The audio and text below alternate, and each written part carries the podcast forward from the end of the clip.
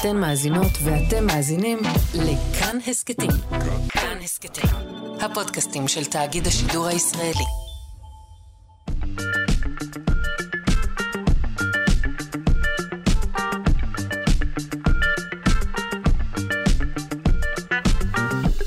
שלושה שיודעים. בשנים האחרונות כולנו הפכנו לחוקרים ובלשים בזעיר אנפין. אנחנו צופים בסדרות טרו קריים, מאזינים לפודקאסטים על רצח, עוקבים אחרי משפטים ופרשיות ארוכות שנים. אבל אנחנו לא מומחים. מי שכן מומחה הוא הדוקטור חן קוגל, מנהל המכון לרפואה משפטית, שנמצא ממש אה, כאן באולפן וישוחח איתנו במהלך כל השעה הקרובה. אנחנו שלושה שיודעים. עורכת אותנו אלכס לויקר, על ההפקה עמרי קפלן ואיתי אשת, על הביצוע הטכני דימה קרנצוב. אני שרון קנטור, בואו נתחיל.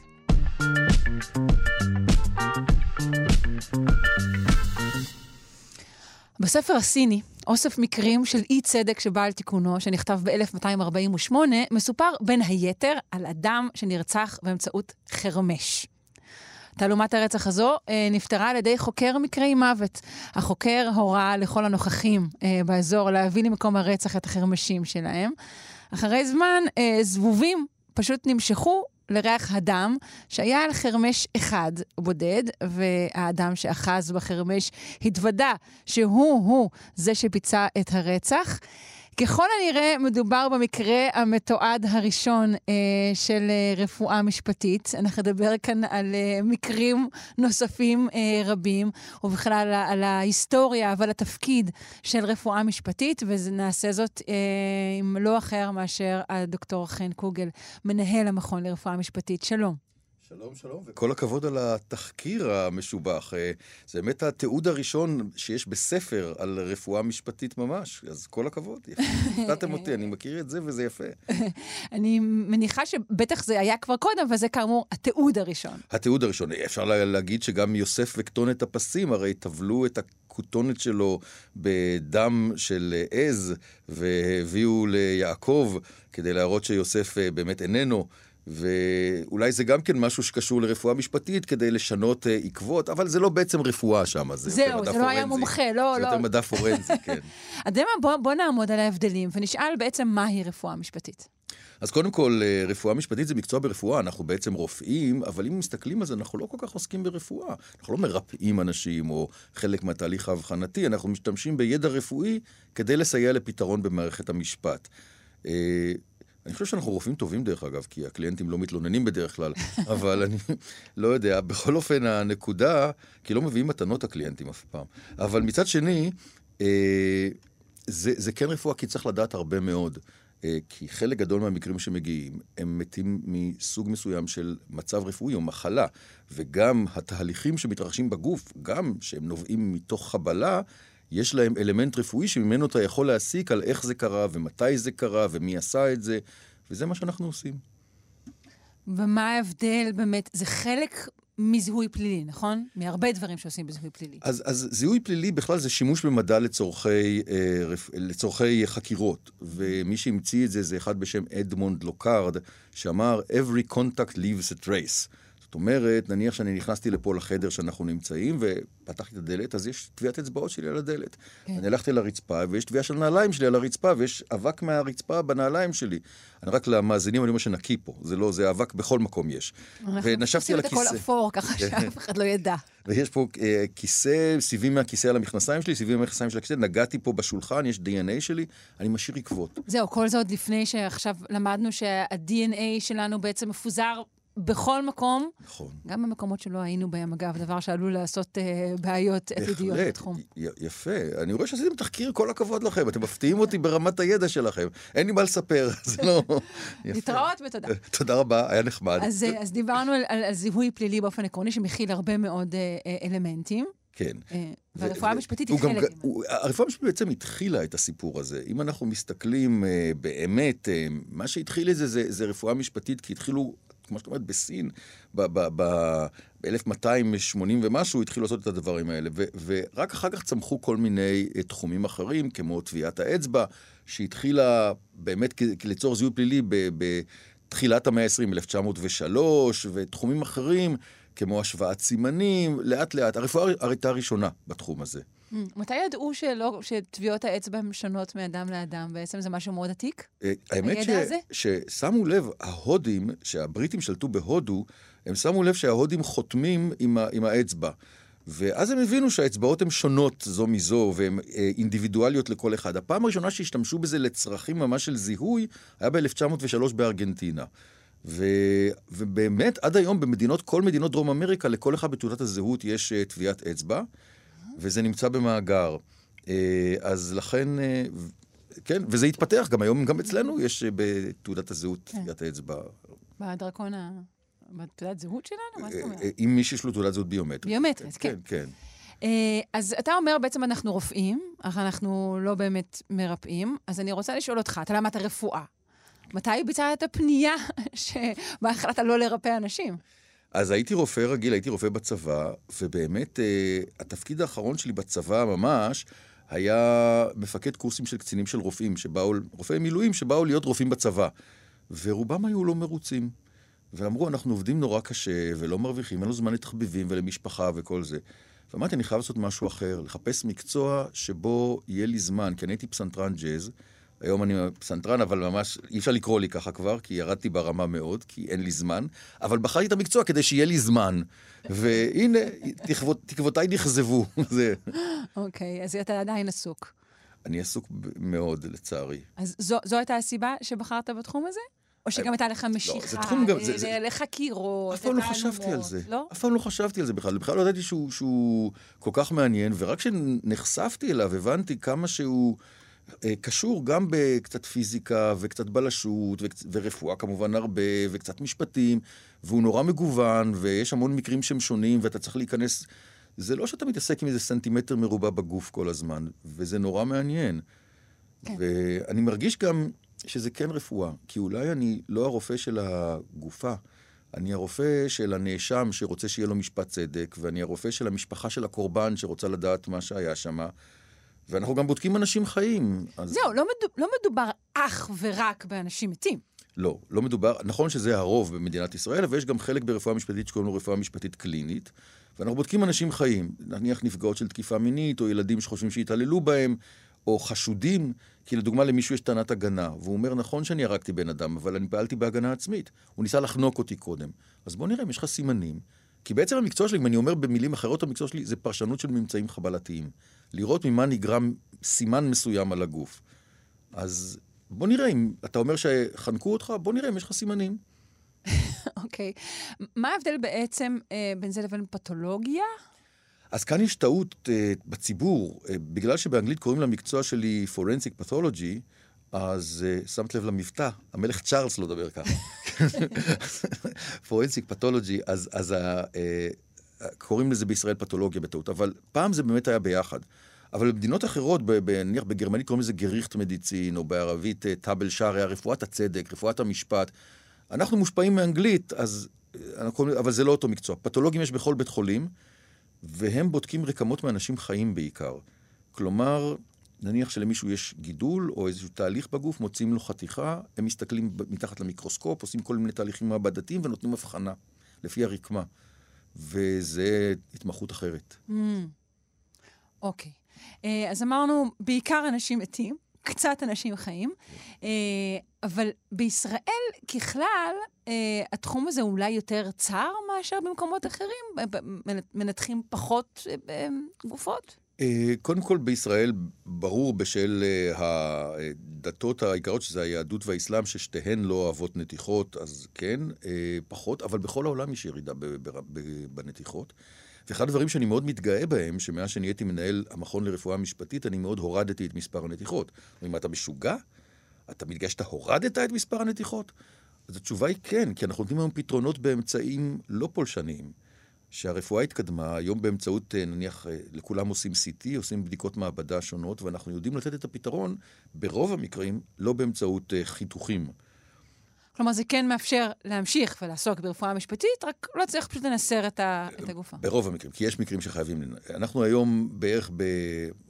פחות מרבע מהמקרים עושים נתיחות, אבל זה בכל העולם, זה מגמה עולמית, זה לא רק אצלנו, אצלנו פשוט זה הרבה יותר דרמטי, כי אנשים, להבדיל מהנצרות, אז הדתות שלנו הרבה יותר רגישות לתחום כן. הזה של נתיחות. אבל בעולם, נגיד, כשאדם מת, ואפילו אם סביר להניח שהוא אה, מת משיבה טובה, אה, מנתחים או בודקים את נסיבות המוות, או שמניחים לזה כך? אז זה נורא תלוי באיזה מדינה אנחנו מדברים. בישראל יש לנו לקונה נורא גדולה, שאין לנו אה, דמות שקוראים לה חוקר מקרי המוות.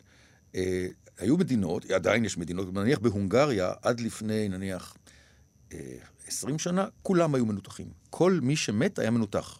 וואו. כל מי שמת. Uh, היום מנתחים שם בסביבות 20% מהאנשים, שזה המון.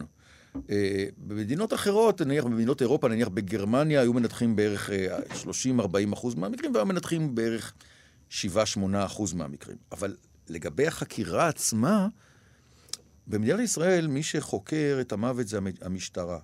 כלומר, מה שמעניין אותה זה רק פליל, מה שפלילי. ואחת הלקונות שיש פה, שאנחנו לא יודעים למה מתים אנשים, אם המשטרה לא חושדת שיש פה משהו פלילי. לדוגמה, לא יודעים למה מתים תינוקות. ברור שזה לא פלילי, זה לא מעניין את המשטרה, בצדק מבחינתה. לא, לא ברור למה מתים אנשים צעירים, מתחת לגיל 40. המשטרה אומרת, הייתה בזירה, אומרת, אוקיי, לא התרשמנו שיש פה... לא היה עבירה." כאן פשע. לא היה פשע. אז אנחנו לא בודקים. אבל זה לא מעניין את הציבור לדעת איזה סמים משתמשים, או האם יש מחלה שיכולה, שהיא משפחתית, או בכלל למה אנשים מתים. למה מתים עובדים בחקלאות? למה, אה, נניח, כיסא של ילד שנהרג בתאונת דרכים, האם הכיסא של התינוק כשל? במדינות אחרות יש דמות שקוראים לה קורונר, או מדיקל אקזמינר, או חוקר מקרי המוות. והוא לא חוקר מי רצח, אבל הוא חוקר, הוא אומר, האם יש בכלל לחקור את המקרה? האם יש לבדוק? האם יש פה השלכות רוחב על הציבור? Mm. ואצלנו אין את זה. חלק מהדברים שציינת אה, עשויים להיות בעלי משמעות משפטית, למשל אותו כיסא של ילד, ישר אולי היצרן אה, פישל כך וכך, אבל חלקם באמת הם, הם באחריות אולי של משרד הבריאות, לדעת האם עובדים בחקלאות סביב גידולים מסוימים הם, הם מתים יותר, בגלל, נכון? זה דברים זה, זה, זה חשובים. נכון, אבל לעניין של משרד הבריאות אין שום סמכות חוקית לעשות משהו כזה. רק אם יש סכנה כללית לשלום הציבור. נניח שהוא חושב שיש מגפה, אז כן. אבל הוא לא יכול להגיד, אני רוצה את העובד חקלאות הזאת, אני מכריח, או אני דורש נתיחה, וללכת למשפחה שלו, וכ... אין, אין לו סמכות חוקית. וההפך, נגיד אם המשפחה אומרת, היי, נכון, זה מקרה פרטי, אבל אנחנו חושבים שאולי ניתן ללמוד ממשהו, ממנו? אפשר להעביר את הגופה למכון לרפואה משפטית, ואנחנו נבדוק אותו ונקבע איזה דברים צריכים לעשות כדי לברר את סיבת המוות או נסיבות המוות וכיוצא בזה. ודאי, אפשר. אוקיי. אה, אנחנו כבר הזהרנו קודם, אנחנו אה, לאנשים אה, בעלי אה, אה, קיבה חזקה יחסית מבין מאזיננו. אנחנו נמצאים כאן עם הדוקטור חן קוגל, הוא מנהל המכון לרפואה משפטית, ואנחנו, אה, אפשר להגיד, מעמיקים את השיחה. מה, מה בדיוק אה, אתה בודק? כשמגיעה אליך גופה והיא כן, אתה כן נדרש לנתח אותה.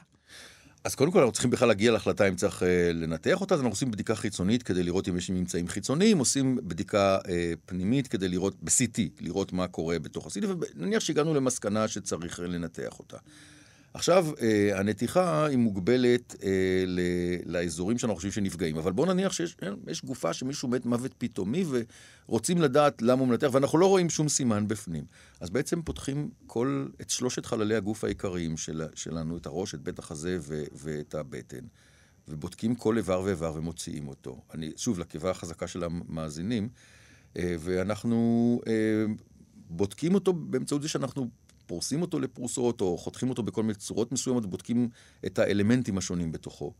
ואחר כך עושים בדיקות מעבדה שונות על מה שאנחנו לקחנו. אוקיי, אתה רוצה לפרט נגיד מה עלול להימצא, איפה, מה מעיד על מה? זה, זה נורא שונה. כן. אה, אז תן לנו כמה דוגמאות, שנבין. אה, לדוגמה, אני יכול... אה, סתם, אני אתן מקרה, לדוגמה, אה, שאדם, אה, ילד משחק כדורסל, ופתאום נופל אה, במגרש ומת. או זה קורה הרבה משחקים. חייב להביא ילד? אז לא ילד. יכולת להביא כל אחד אחר. אז, אז, אז לא ילד, אז אה, אד, אני אתן לך דוגמה אחרת, בסדר? אה, אדם הולך ברחוב, ו... אה, לא הולך, יש לו איזה תגרה עם מישהו אחר, אבל אין שם החלפת מהלומות. הם רבים, הם, הם צועקים, כל, פתאום אחד אה, נופל ו, ומת. עכשיו, יש כמה אפשרויות כאן, מה קרה? אה, אחת האפשרויות שקיבל איזו הפרעה בקצב הלב או משהו כזה. חטף התקף לב מעצבים, אמרו לו, אל תתרגז, והוא התרגז כן, בכל זאת. בדיוק, אז אשמתו. נכון, הוא היה הארכיטקט של המוות שלו, למה התרגזת? אבל אה, אנחנו צריכים לראות אם יש לו איזו מחלת לב קודמת. נכון שזה יכול להיות גם על לב בריא, דברים כאלה, אבל בדרך כלל זה מאוד מאוד מאוד נדיר. אז בואו נבדוק את הלב. נבדוק את המוח שלו. אולי יש לו התפרצות של כלי דם במוח, שלחץ הדם עולה ולמישהו יש פגם בכלי דם במוח, כלי דם יכולים להתבקע במוח. ויש עוד הרבה מאוד סיבות שיכולות לגרום לזה. תלוי, אנחנו צריכים לקבל נסיבות מסוימות של המוות. ואולי בכל זאת מישהו נתן לו מכה ואנחנו לא רואים את זה. אה, אז אנחנו מחפשים בכל אחד מאיברי הגוף אם יש איזשהו סימן, כי גם אם אנחנו לא מוצאים את סיבת המוות המדויקת, אז דברים אחרים באיברי גוף אחרים יכולים לרמז לנו על משהו שחולה באיזשהו מקום. אז לכן אה, אנחנו יכולים לפעמים לומר כל מיני דברים. נניח, אנחנו יכולים לראות בכליות אם מישהו חולה בסכרת, לדוגמה. ואז אולי יש לו איזושהי פרדיספוזיציה למחלות, למוות פתאומי וכיוצא בזה. עד כמה אתם יכולים לדעת ממש מה קרה אה, בדקות שלפני המוות? נגיד, אה, אה אם מישהו, חס וחלילה, נהרג בתאונת דרכים. האם ניתן לדעת אם ידיו היו על ההגה, או שמא התעסקו הן בטלפון, למשל? אוקיי, אז זו שאלה טובה מאוד. אה, ובאמת, כן, כאשר יש תאונת דרכים, אז אדם, אה, אם זה הנהג, אז אה, כשהוא מחזיק את ההגה, הוא בעצם מודע לזה שהולכת להיות תאונה בשניות האחרונות, או בחלקי השנייה האחרונים. והוא אוחז בהגה בחוזקה, ואז כשמתרחשת התאונה, בדרך כלל פרקי הידיים נשברים. ואז אנחנו רואים שברים אופייניים שמישהו אחז במשהו, וזה לא משהו, זה משהו שהוא קבוע. לא, אם הוא אחז בפלאפון זה לא יקרה.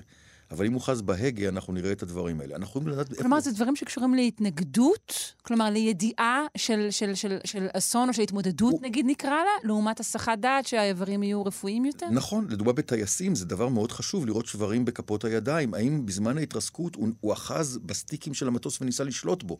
כי אם הוא היה בלי הכרה ולא אחז בסטיקים, לא נראה שברים בכפות הידיים. אה, ברכב בכלל יש דברים אחרים שצריך לדעת. נניח, זה נורא נפוץ, זה לא נורא נפוץ, אבל זה נפוץ שאנשים עושים תאונת דרכים, והנוסע, זה בדרך כלל הנוסע שליד הנהג הוא זה שנהרג ברוב המקרים. זה המקום הכי מסוכן, הנוסע ליד הנהג. ואז זה טוב להגיד לנאשם, בכלל זה המנוח, הוא נהג. אני ישבתי, אני הייתי הנוסע. ואז אין את מי להאשים בתאונה. אה, אז אנחנו יכולים לדעת מי ישב איפה בתוך הרכב. לדוגמה, לפי הסימנים של האחיזה בהגה. לדוגמה, זכוכית הצד שהיא נשברת, היא יוצרת על ה... צד שבו היא נשברה, סימנים מאוד אופייניים, קוראים לזה דייסינג. אז אנחנו רואים מאיזה צד הם, מצד ימין או מצד שמאל, סימן החגורה, לאיזה כיוון הוא הולך, המכה של ההגה. ב... יש, יש הרבה דברים שאפשר לדעת אה, לפי ה... אנחנו בודקים את הנעל, לראות אם יש הטבעה של דוושת הבלמים על הסוליה של הנעל. אז אנחנו פחות או יותר יכולים לדעת באיזה מקום הבן אדם ישב בתוך הרכב שלו. ויש עוד הרבה דברים בתאונות דרכים שחשוב לדעת. אני לא יודע אם זה מעניין את הציבור כל כך, הדברים האלה, זה לא... מעניין, זה לא מעניין. לא... נניח, אם זה הולך רגל, אז אה, תמיד עדיף לנהג להגיד שהולך הרגל בא מימינו. מדוע? כי אם הוא בא משמאלו של הנהג, אז הוא עבר את רוב הכביש, והנהג היה צריך להבחין בו. לעומת זה, אם הוא בא מימינו, יכול להיות שהוא קפץ לכביש ואי אפשר למנוע את התאונה. Mm. איך אנחנו יודעים את הכיוון של החצייה של הולך הרגל? יש שבר. מה שפוגע בהולך רגל זה הפגוש. הפגוש יוצר שבר שקוראים לו במפר פרקצ'ר, שבר הפגוש, שהוא בצורת משולש. והמשולש, קודקוד המשולש הוא כיוון נסיעת הרכב. אז אם אנחנו רואים שבר במפר ב... אה, בעצם השוק נניח השמאלית, ואומר שבאמת הולך הרגל בא מימינו של הנהג. ואנחנו יכולים להגיד גם אם הרכב בלם, לפי הגובה של הפגוש, מכיוון שאם הפגוש פוגע בגובה הברך, זאת אומרת שזה בערך גובה הפגוש. לעומת זה, אם הוא נמוך יותר, השבר, זאת אומרת שהרכב בלם כי החרטום שלו יורד כשהוא בולם. ואז אתה יודע שהרכב בלם לפני ה... אה, שהוא, שהוא פגע. וואו. אז יש כל מיני דברים שאפשר לדעת. אה, יש עוד הרבה דברים שאפשר לדעת על אה, הולך הרגל, מה מהירות הרכב לדוגמה וכולי, אז... אתם יכולים גם לדעת כל מיני דברים לגבי הזמנים שבהם הדברים התרחשו, נגיד, גם אם יש פער, נכון? נגיד אם, אם נגיד מישהו נורא, והוא לא נהרג, ונגיד חולף זמן. כן. אתם עדיין יכולים לדעת כל מיני דברים. אפשר, אפשר לומר כמה זמן עבר. תלוי, אם זה שניות, אז קשה מאוד לומר. כן. אבל יש תהליכים שמתחילים בגוף. כמו שיש לנו פצע ויש בו תהליכי ריפוי, לתהליכים האלה יש סדר מסוים וזמנים מסוימים. באמצעות בדיקה מיקרוסקופית של הרקמה, אפשר לדעת איזה תאים הגיעו לשם, כי הגוף שולח תאים להתחיל לרפא תאי דם בהתחלה, ואחר כך תאים של רקמת חיבור, להתחיל לרפא את, ה, את, ה, את הפצע. Mm-hmm. אז אם נניח מישהו נדקר, אבל עברו כמה שעות עד שהוא מת אחר כך, אנחנו יכולים לדעת כמה, כמה, כמה זמן עבר. או נניח, אם מישהו, אה, נניח, אה, נדקר בבית החזה או נורא, או יש לו פציעה בבית החזה, אפשר לראות כמה דם יש לו בתוך הריאות, כמה הוא שאף דם, כמה נשימות הוא עשה אחרי שהריאות שלו נפגעו, כי כבר יש דימום מאיזשהו מקום וזה נכנס לתוך הריאות. יש כל מיני שיטות אה, לקבוע כמה זמן זה היה, לא תמיד אפשר אבל. כן. כמה זמן מזמנך, אה, אותו זמן שקיווית שיהיה פנוי, אתה מבלה גם אה, בבתי משפט או בכלל בהתעס... בהתעסקות בתביעות? אז אה, חלק, בגלל שקוראים לזה רפואה משפטית, בסוף התוצר שלנו זה חוות דעת שמטרתה ללכת לבית משפט. כן. ואז אתה צריך לדווח עליה. עכשיו, אם יש הסכמה, כי בחלק גדול מהמקרים, אומר הנאשם, אני לא מתווכח עם חוות הדעת, אבל זה לא אני עשיתי. נניח, נכון, מצאו אותו ירוי, והכיוון הוא ככה, והמרחק הוא ככה של הירי, טווח הירי. מה שאתם אומרים נכון. אבל, נכון, אבל זה לא אני, תעזבו אותי. אז אין לי מה לבוא לבית המשפט. אבל כאשר יש ויכוח על המסקנות של חוות הדעת, וזה לגיטימי, כי בטוח שאנחנו עושים טעויות ואנחנו לא תמיד יודעים. אז טוב שאומרים לי את זה בבית משפט. אז, אז לכן, אה, אנחנו מגיעים הרבה לבית משפט, כן, כדי להסביר מה המשמעות של חוות הדעת שלנו. אוקיי, okay, ויש מקרים, אני מניחה שזה, שזה מה שמפיל את המשפט לכאן ולכאן. בוודאי, חלק גדול מהמקרים, אה, הרפואה המשפטית היא זו ש... ש אה, נותנת את הראייה המדעית, שראיות מדעיות נחשבות חזק מאוד בסולם הראיות של בית המשפט, מכיוון שאין להם הטיה, זה לא הוא אמר, היא אמרה וכאלה דברים, אלא באמת יש פה עדות מדעית למשהו. אז אה, לפעמים זה הראיות החזקות ביותר, והן אלה שעושות את המשפט. לדוגמה, אולי מקרה שאת, אולי, אולי המאזינים מכירים, אני לא יודע, היה מקרה אחד, רומן זדורוב, יכול להיות שמכירים אותו. אז לדוגמה, בית המשפט מדבר על חטיבת ההודאה, שרומן זדורוב הודה, כן. לעומת זה החטיבה של הזירה, שזה בעצם החטיבה המדעית. והזירה נחשבת החזקה הרבה יותר, שההודאה יש בה הרבה לחצים פסיכולוגיים. זה מה כן. שבית המשפט אמר, mm-hmm. שכאן באמת חטיבת הזירה, שזה בעצם הראיות המדעיות, גוברת בהרבה על החטיבה של ההודאה. כן. אה, אבל יש גם עוד מקרים, חוץ מאשר המקרה הזה שמפורסם מאוד ועוד אה, אה, אולי נגיע אליו בהמשך, כל מיני מקרים שכשמסתכלים על הזירה אומרים, טוב, ברור שהחבר הזה עשה את זה, נכון? נגיד שני אנשים, יש, יש כאן גופה, יש לידם מישהו שלא מת, אפילו יש, אפילו יש אקדח. כן. ו- ויכול לקרות שאתם תוכיחו שזה לא האדם הזה עשה את זה. כן, קודם כל, יכול בהחלט לקרות המצב הזה.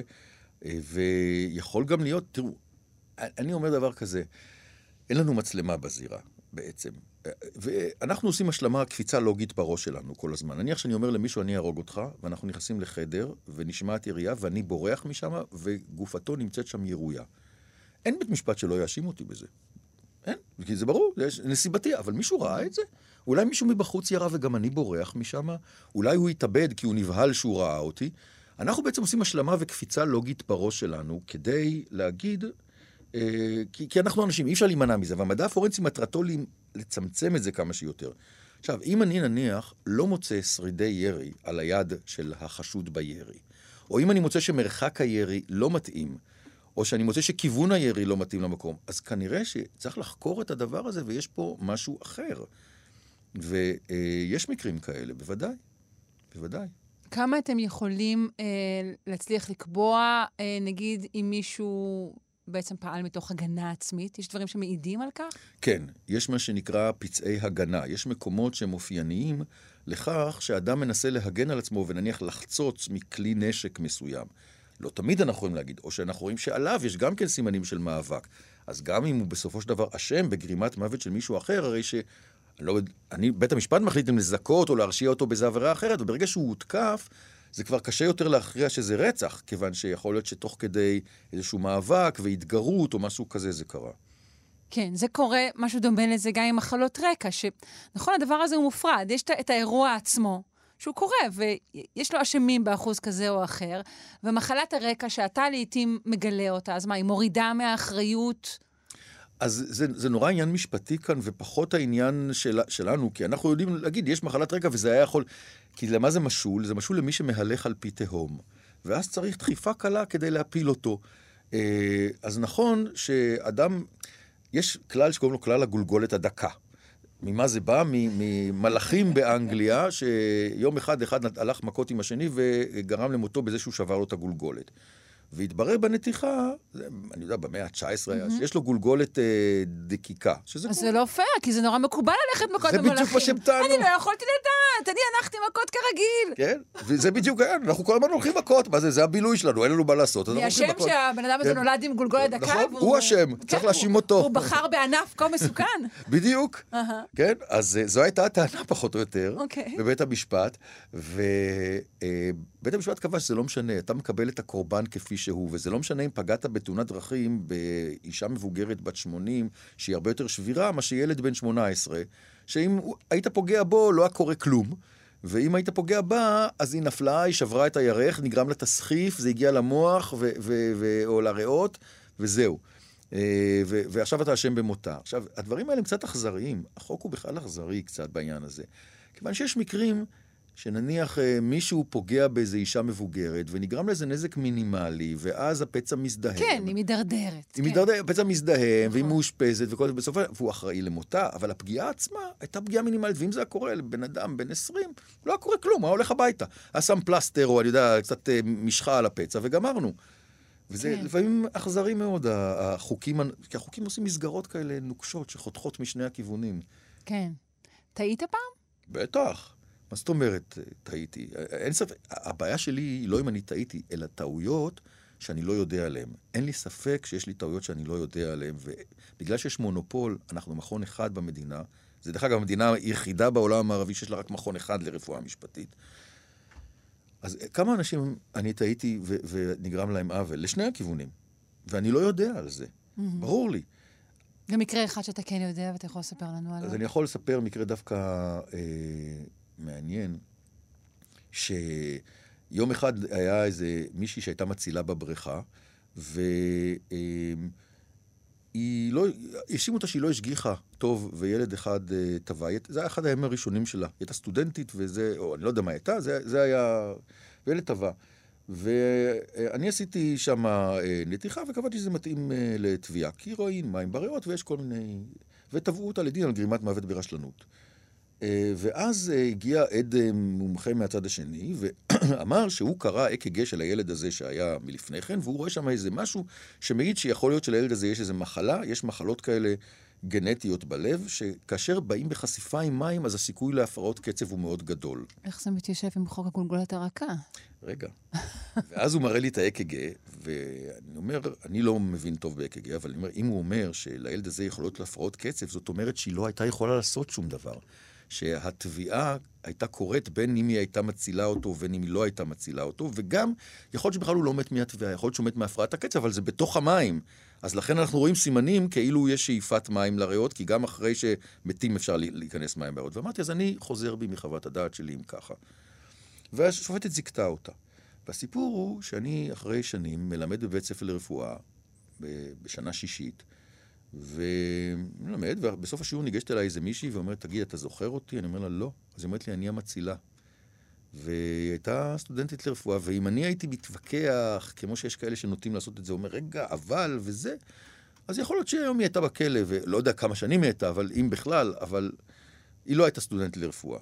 אז uh, אני שמח שגילו את הטעות הזאת, ויכולתי להגיד שאני חוזר בי מחוות הדעת. Uh, למי שהצטרף אלינו כעת, אנחנו נמצאים עם הדוקטור חן קוגל, הוא מנהל המכון לרפואה משפטית. Uh, עד כמה אתה רואה היום בישראל, אולי יותר מבעבר, אה, פחות קבלה אה, של דברים שהם או, או באחריותי כפרט, או שהם מנהלה, מה שנקרא, ו, ויותר אה, פנייה לערכאות, יותר חיפוש אחר אשמים, אחר נתיבים אחרים בהם הדברים יכלו לעבוד כך או אחרת. קודם כל, זה נכון, זו שאלה מעניינת. כי יש באמת יותר משפטיזציה שגם אצלנו רואים אותה. אה, שאנשים, היה לנו לא מזמן איזה מקרה, אה, ממש לא מזמן, שמישהי אישה מאוד מבוגרת, שהייתה מאושפזת במוסד אה, גריאטרי במשך הרבה שנים עם אלצהיימר, והיא נפטרה, והמשפחה שלה התעקשה לעשות לה נתיחה, למרות שהיה עדויות שיש לה סרטן גרורתי. ואמרו שהייתה הזנחה במוסד הרפואי, האישה הייתה בת יותר מ-90, אה, והתעקשו, ומה שהייתה מלחמה, וזה הגיע לבית המשפט העליון, ובית המשפט העליון פסק שלא תהיה, כי אין... ושוב, ערכאות, ולמרות הכל, ובכל זאת התעקשו, ו... ובסוף לא עשינו, כי אנחנו לא מבזבזים משאבים על דברים שהם ברורים.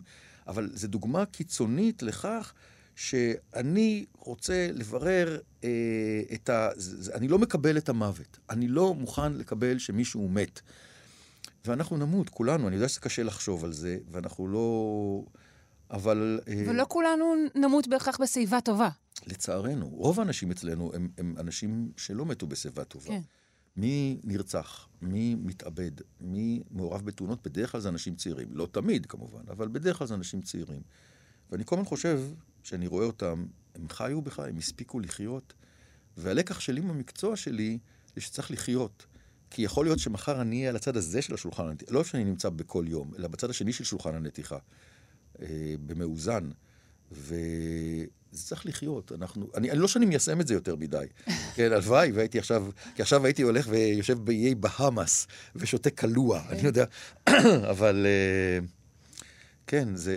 אבל, אבל באמת השאלה היא מה קרה, אה, אם זה פשוט אמריקניזציה כזו של החברה הישראלית, שאין שיט happens, כאילו, אה, לא רק ששריפות אינן קורות אלא נגרמות, אלא בעצם כל דבר בחיים שלנו נגרם על ידי משהו. יודעת, אני שמתי לב שזה נורא תלוי ב... ברמה מסוימת של איזו אמונה אולי בכוח עליון.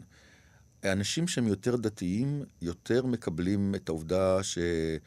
אה, זה ברוך דיין האמת. זהו, זה, זה קרה ו- ואנחנו מקבלים את זה.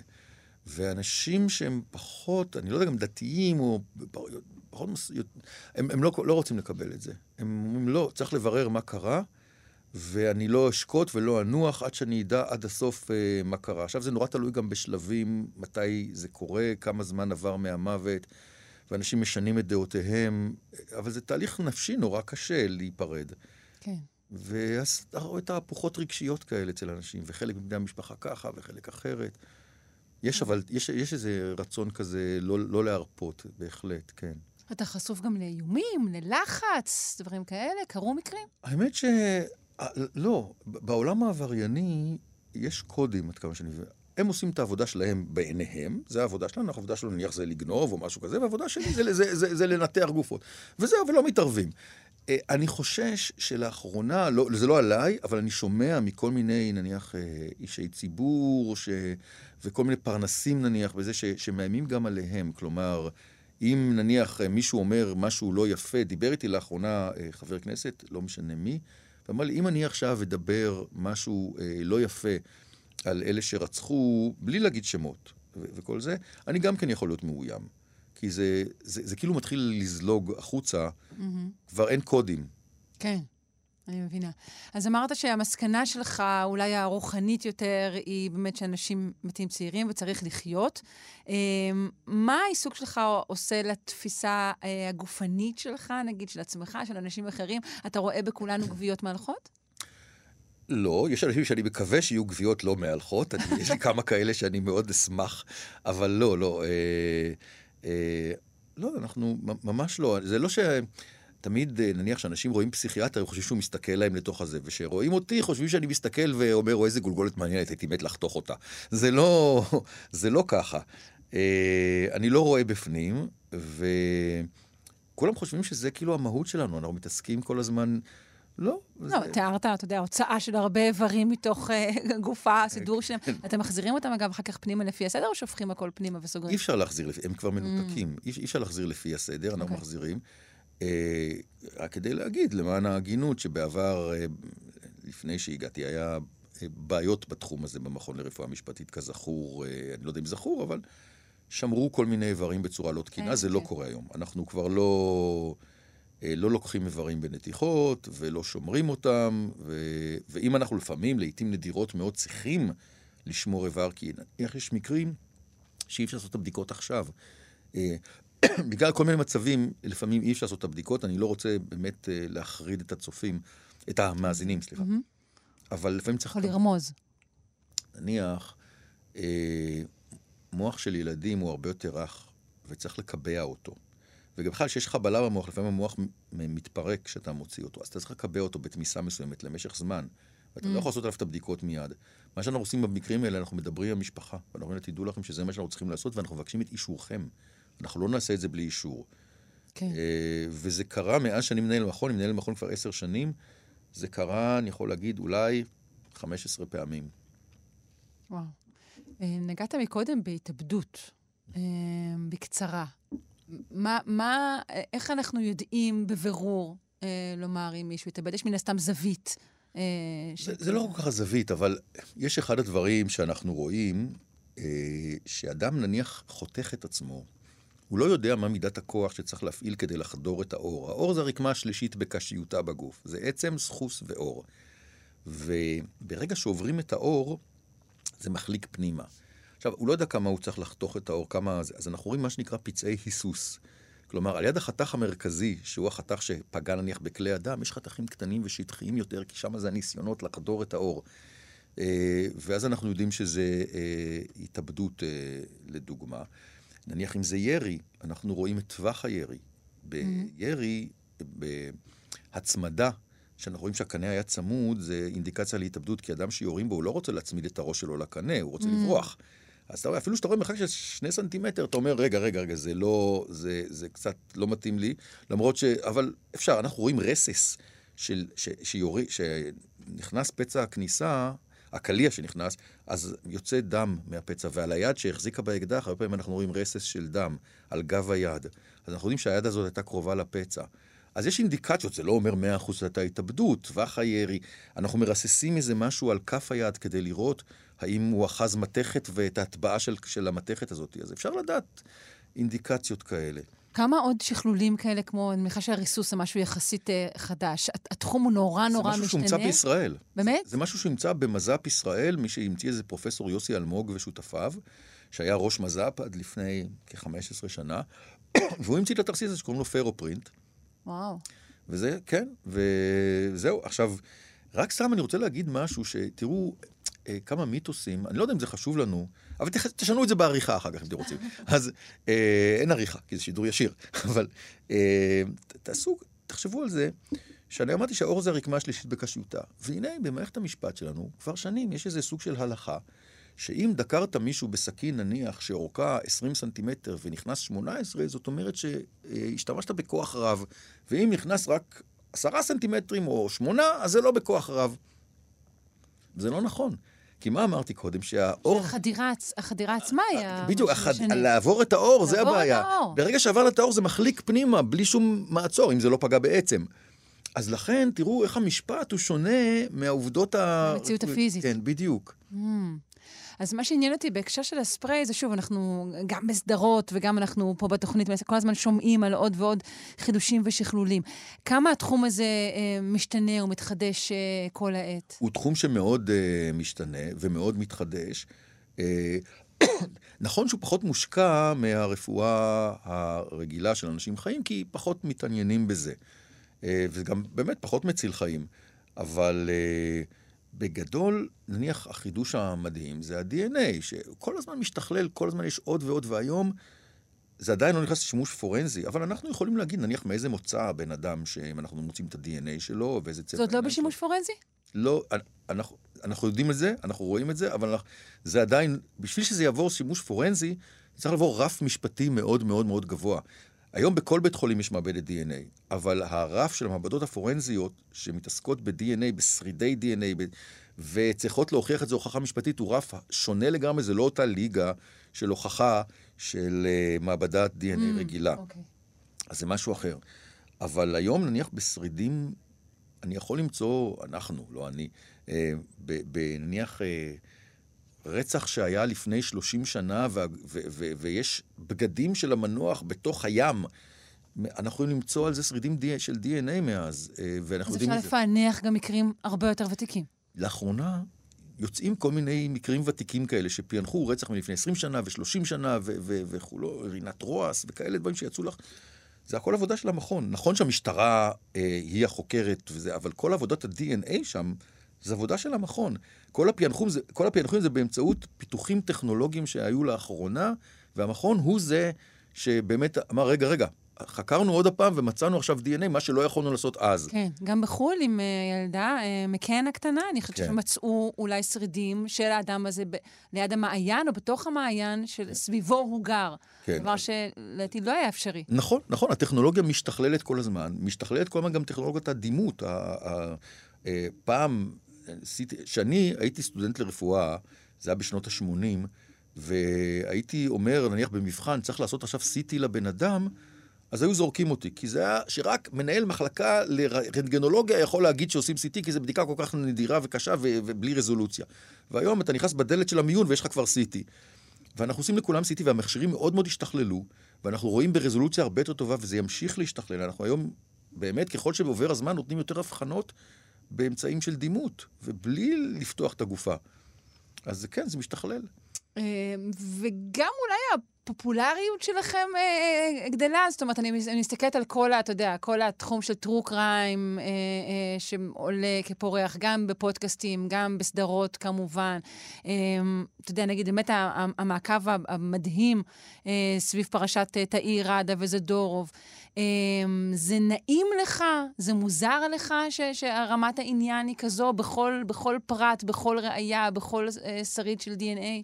מצד אחד זה נעים, כי זה טוב שהמקצוע שלך זוכה לאיזושהי הערה, כי בדרך כלל הוא מקצוע לא ממש פופולרי. זה מקצוע של מחשכים אמור להיות. נכון, כן. זה, ומצד שני זה נעים שפתאום מתעניינים. אבל מצד שני, יש בזה בעיה. כי uh, קודם כל הסדרות הן uh, מקדימות את המדע בערך ב-30 שנה, ולמרות שחלק מהטכנולוגיות קיימות, הן לא, לא, לא בשימוש, ואז מצפים, אבל למה אתה לא יכול להגיד לי מה היה בשנייה האחרונה לפני המוות שלו, את מי הוא ראה? אתה לא יכול להסתכל ברשתית של העין ולהגיד לי את מי הוא ראה לפני המוות, או כל מיני כאלה דברים. Uh, וגם זה יצא שכל מיני אנשים, בגלל שהם רואים סרטים, חושבים שהם uh, מומחים בתחום או מבינים בתחום, ומתווכחים על הרבה דברים שזה לא, שזה לא נכון.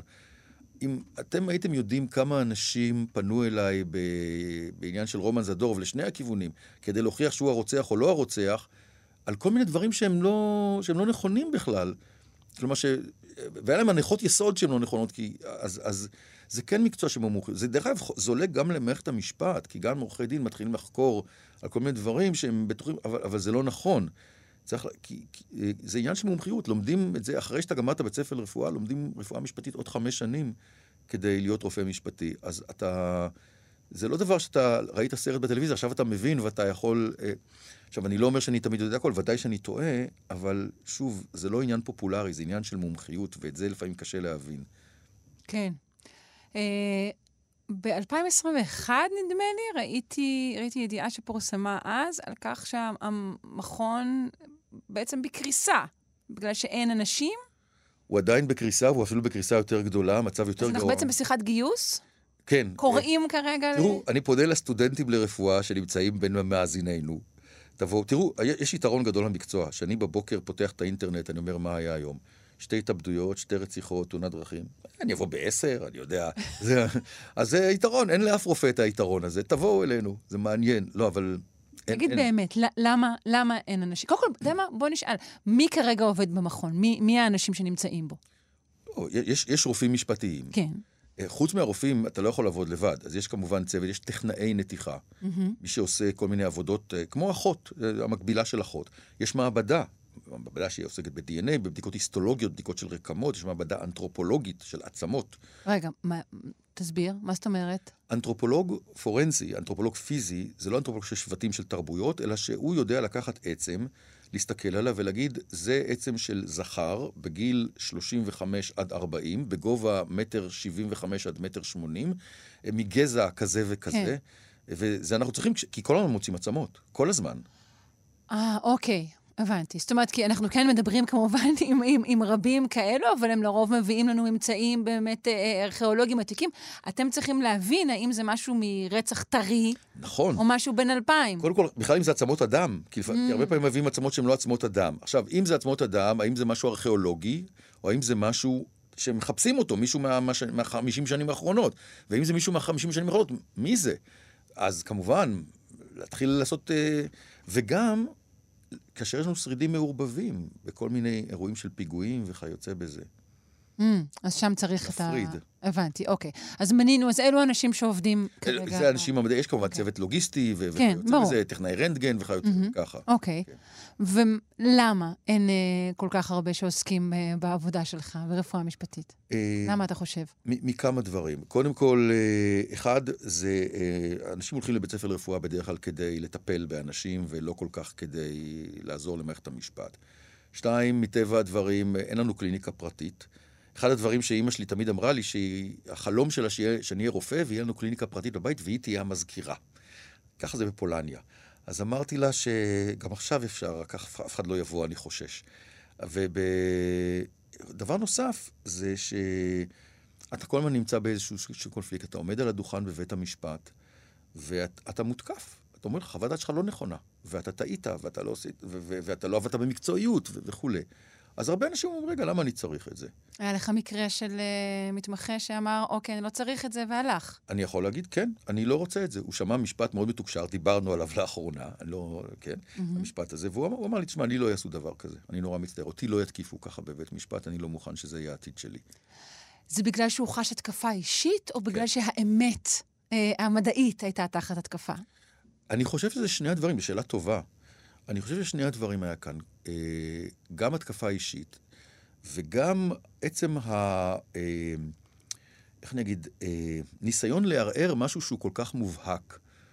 אה, בעיקר גם שזה בא מצד המדינה, כלומר, שעושה את זה עורך דין פרטי, באמת הוא מחויב לעשות הכל כדי אה, לעזור ללקוח שלו. אה, גם אם לפעמים זה מלוכלך במרכאות. אבל כשנניח במשפט זדורוב, כשהמדינה תקפה אותי, שפשוט נתתי חוות דעת שלא התאימה לתביעה, והפרקליטות תוקפת אותי, ואותו רופא אומר, אני לא מוכן שמישהו יבוא ויעשה לי דבר כזה. כאשר יש דברים שהם נורא נורא נורא ברורים, ממש ברורים, ואתם מערערים, זה כמו להגיד שכדור הארץ שטוח, כמו להגיד שאני יודע, עכשיו לילה. אה, זהו. אז, אז, אה, והוא אמר, אני, אני לא מוכן, אני לא מוכן לעמוד להתמודד עם דברים כאלה. אז, אז זאת אולי אחת הסיבות המרכזיות, אתה אומר. זאת אחת, אחת הסיבות המרכזיות, כן, לדעתי. שבעיקר שדברים כאלה נחשפים, כי לא כל המשפטים נחשפים, כן. כן. Uh, לעתים אתם נדרשים גם לעניינים שאינם עניינים פרטיים של אדם כזה או אחר, נכון? למשל, uh, פרשת ילדי תימן היא פרשה כזו. פרשת ילדי תימן שעכשיו בעצם מתבררת, אז באמת אה, על המכון הוטל אה, לבדוק את המנוחים. זה דבר שלוקח המון זמן, אה, גם בגלל שההליכים המשפטיים הם ממושכים ויש התנגדויות, מעורבים המון אנשים, וגם כי הבדיקות המעבדתיות הן בדיקות ארוכות, ולא תמיד הן מצליחות בפעם הראשונה. ו... אבל כן, אולי סוף סוף יישפך אור כלשהו על, על הפרשה הזאת. אה, כן, זה בהחלט. אני מניחה שכאן יש אחריות uh, רבה מאוד uh, על כתפיך. זה אה, עניין של אה, מלחמת נרטיבים גם? זה... כן, אבל אנחנו לא מעורבים בזה. אני, היות שכאן, בהסדר משפטי, המשפחות אה, מעורבות אה, ויש להם נציגים מטעמם, ואנחנו עובדים בשיתוף פעולה, אז אני לא רואה שיהיה פה איזה בעיה. וגם באמת אני חושב שיש פה עניין כדי להגיע לחקר האמת. זה, זה, זה עוד ייקח זמן לדעתי, זה לא דבר שאנחנו נדע ב, בימים הקרובים, אבל זה ייקח עוד זמן. אבל כרגע מטפלים בזה, ולכן גם מנוע מלדבר יותר מדי. Mm, אוקיי, אני מבינה. האם בעתיד הנראה לעין, או, או כבר עכשיו זה קורה, לא תמיד צריך בכלל לפתוח קברים? אפשר לסרוק אותם איכשהו מבחוץ? אוי, אם או... רוצים לדעת מי בתוך הקבר, אני מניח שנצטרך לדעת, כי נצטרך לקחת דגימות ל-DNA. אז נצטרך לפתוח את הקבר. בעיקר קברים ישנים, שהקבורה לא הייתה נורא נורא מסודרת וכולי, צריך לדעת מי... יש בעיה שמה שאפשר לדבר עליה, כי בגלל שגם יש תזוזות של האדמה, אבל בעיקר בגלל שהקבורה לא הייתה מסודרת והמצבות לא מונחות בדיוק על איפה שנמצאת הגופה, אז זה בעיה. ואתה, היה מקרה שפתחו קבר ויש שם שני... כי המצבה לא מונחת בדיוק, אז לך תדע את מי אתה לוקח. Mm, אז, אז יש, יש בעיות, אני לא רוצה להרחיב בתחום כן. הזה, אבל יש, כן, זה... כשיש קבורה מסודרת, כמו היום, שקברים מדופנים וזה, זה לא יהיה בעיה.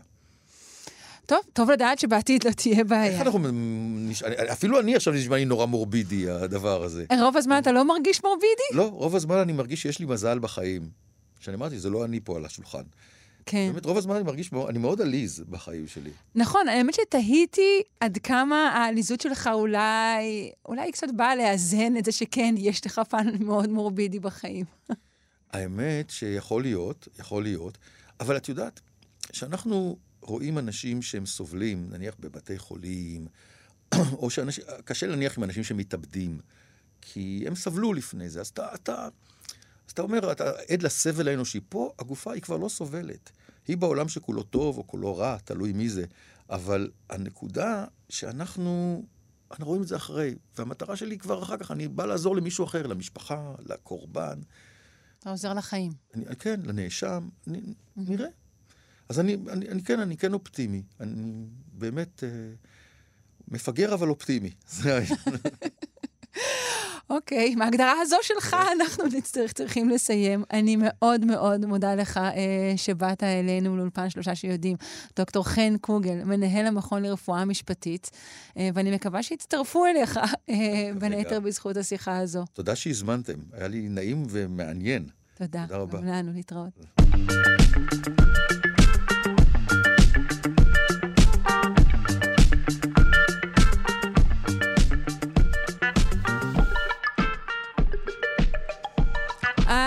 שלושה שיודעים אה, לבוקר זה. אה, שתזכו לחיים ארוכים, כולכם. עורכת אותנו אלכס לויקר, על ההפקה עמרי קפלן ואיתי אשת. על הביצוע הטכני היה דימה קרנצוב. אני שרון קנטור, ממליצה לכם להישאר אה, ולהאזין לגם כן תרבות עם גואל פינטו. המשך יום טוב.